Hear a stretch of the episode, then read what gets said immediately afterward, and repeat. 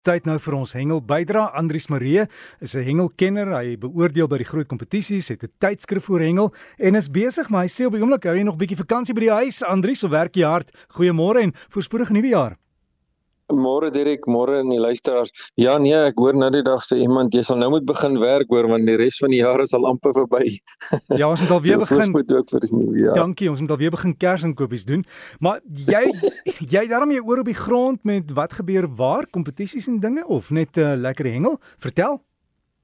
Ja nee, Dirk, op hierdie stadium sit net lekker hengel van al die vakansiegangers wat ehm um, oral in ons land lyne nat gemaak het. Nou Dirk net so daar in die Vrystaat, net so aan die ander kant Parys, is die klein dorpie Koppies. Ehm um, en so omtrent 5 km buitekant Koppies is die dam Koppiesdam geleë. Nou die aard van die saak kom die naam seker nou maar van die dorp se kant af. En uh hierdie dam is nogal baie gewild onder die sosiale hengelaars wat uh, groot babers wil gaan vang en ook karpe en moddervis en en soms word daar ook kompetisies daaraan gebied.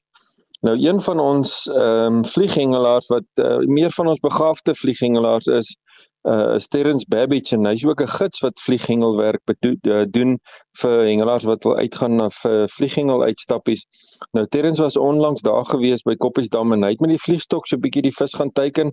Hy's baie lief daarvoor om die babers en die en die karpe te vang en hy kon toe nou 'n groot graskarp daar vang En uh, hierdie graskarp by die skaal laat stil staan op 16.8 kg. Nou dis 'n ongelooflike groot ehm um, graskarp om met die vliegstok te kon vang. Nou Derek as ek hom skat dan dink ek hy was seker so omtrent 'n meter 1.1, 1.2, miskien dalk lank gewees daai graskarp. Hulle word verskriklik lank as hulle so groot is. En hy het 'n baie mooi foto geneem wat hy so sy vliegstok by die vis neergesit het om die proporsies van hierdie vis te kan sien. En ek nooi die luisteraars om te gaan kyk daar op die Hengel met Breakfast Facebookblad na hierdie groot graskarp wat hy gevang het. En uh, nou ja, hierdie is 'n groot grasnyer wat daar voorkom in die dam en uh, mense kan gerus gaan kyk na daardie groot vis wat hy gevang het.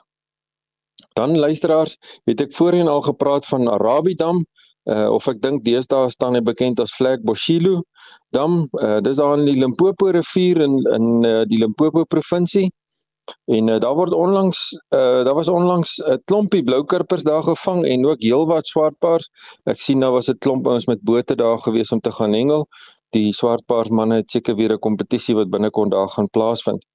Nou uh, die enigste ding wat 'n mens moet in ag neem ook van die dam is Derek wat baie spesiaal is, is dis die enigste dam van uh, ons land waarvan ek weet waar daar ook Chinese karpe voorkom. Nou hy word nie eintlik geteken deur ons engelaars nie, maar soms vang die mense hom. Uh, maar dit is ook 'n uitheemse spesies en hy kom net daar voor volgens my kennis.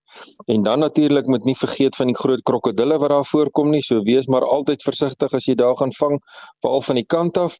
Daar het uh, heelwat van daai krokodille al van die mense doodgemaak by daardie dam.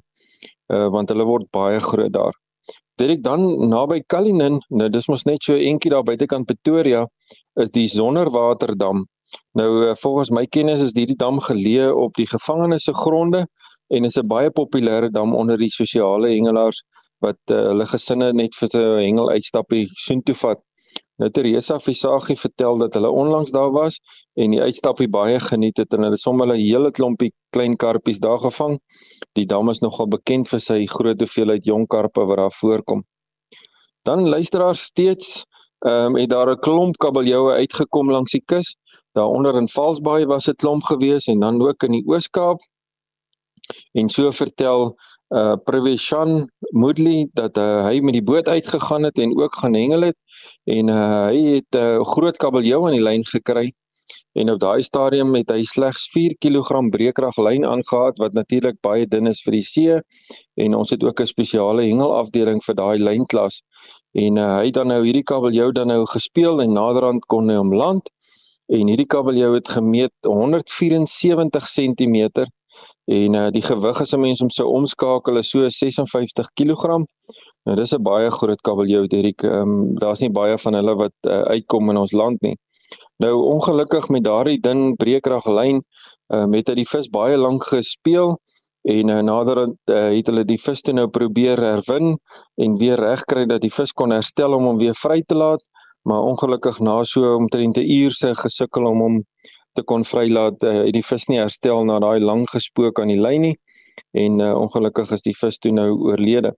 Hy het 'n mooi foto geneem van die vis en die luisteraars kan gerus ook gaan kyk na daardie groot kabeljou wat hy gevang het. Dan Derek by Sodwana Bay was die bote baie op die see gewees. Baie van die vakansiegangers was daar gewees en daar het 'n hele klompie marline uitgekom wat insluit blou marline, daar was swart marline en selfs 'n brodbil was gevang. En uh daar's mooi foto's geneem van hierdie vangste voordat die visse vrygelaat is en ek het die foto's gelaai daar by Hengel met Breakfast se Facebookblad. Luisteraars kan gerus gaan kyk na die pragtige kleure van daai snavelvis wat dan nou gevang was daar by Sodwana Bay wat een van ons uh, meer populêre uh hengelareas is vir ons marline. Dirk baie dankie. Dis uh, seker die laaste nuus van al die vakansiegangers wat gaan hengel het. Binnekort begin die kompetisies ook weer, dan kan ek weer daarvan vertel. Totsiens aan almal tot 'n volgende keer.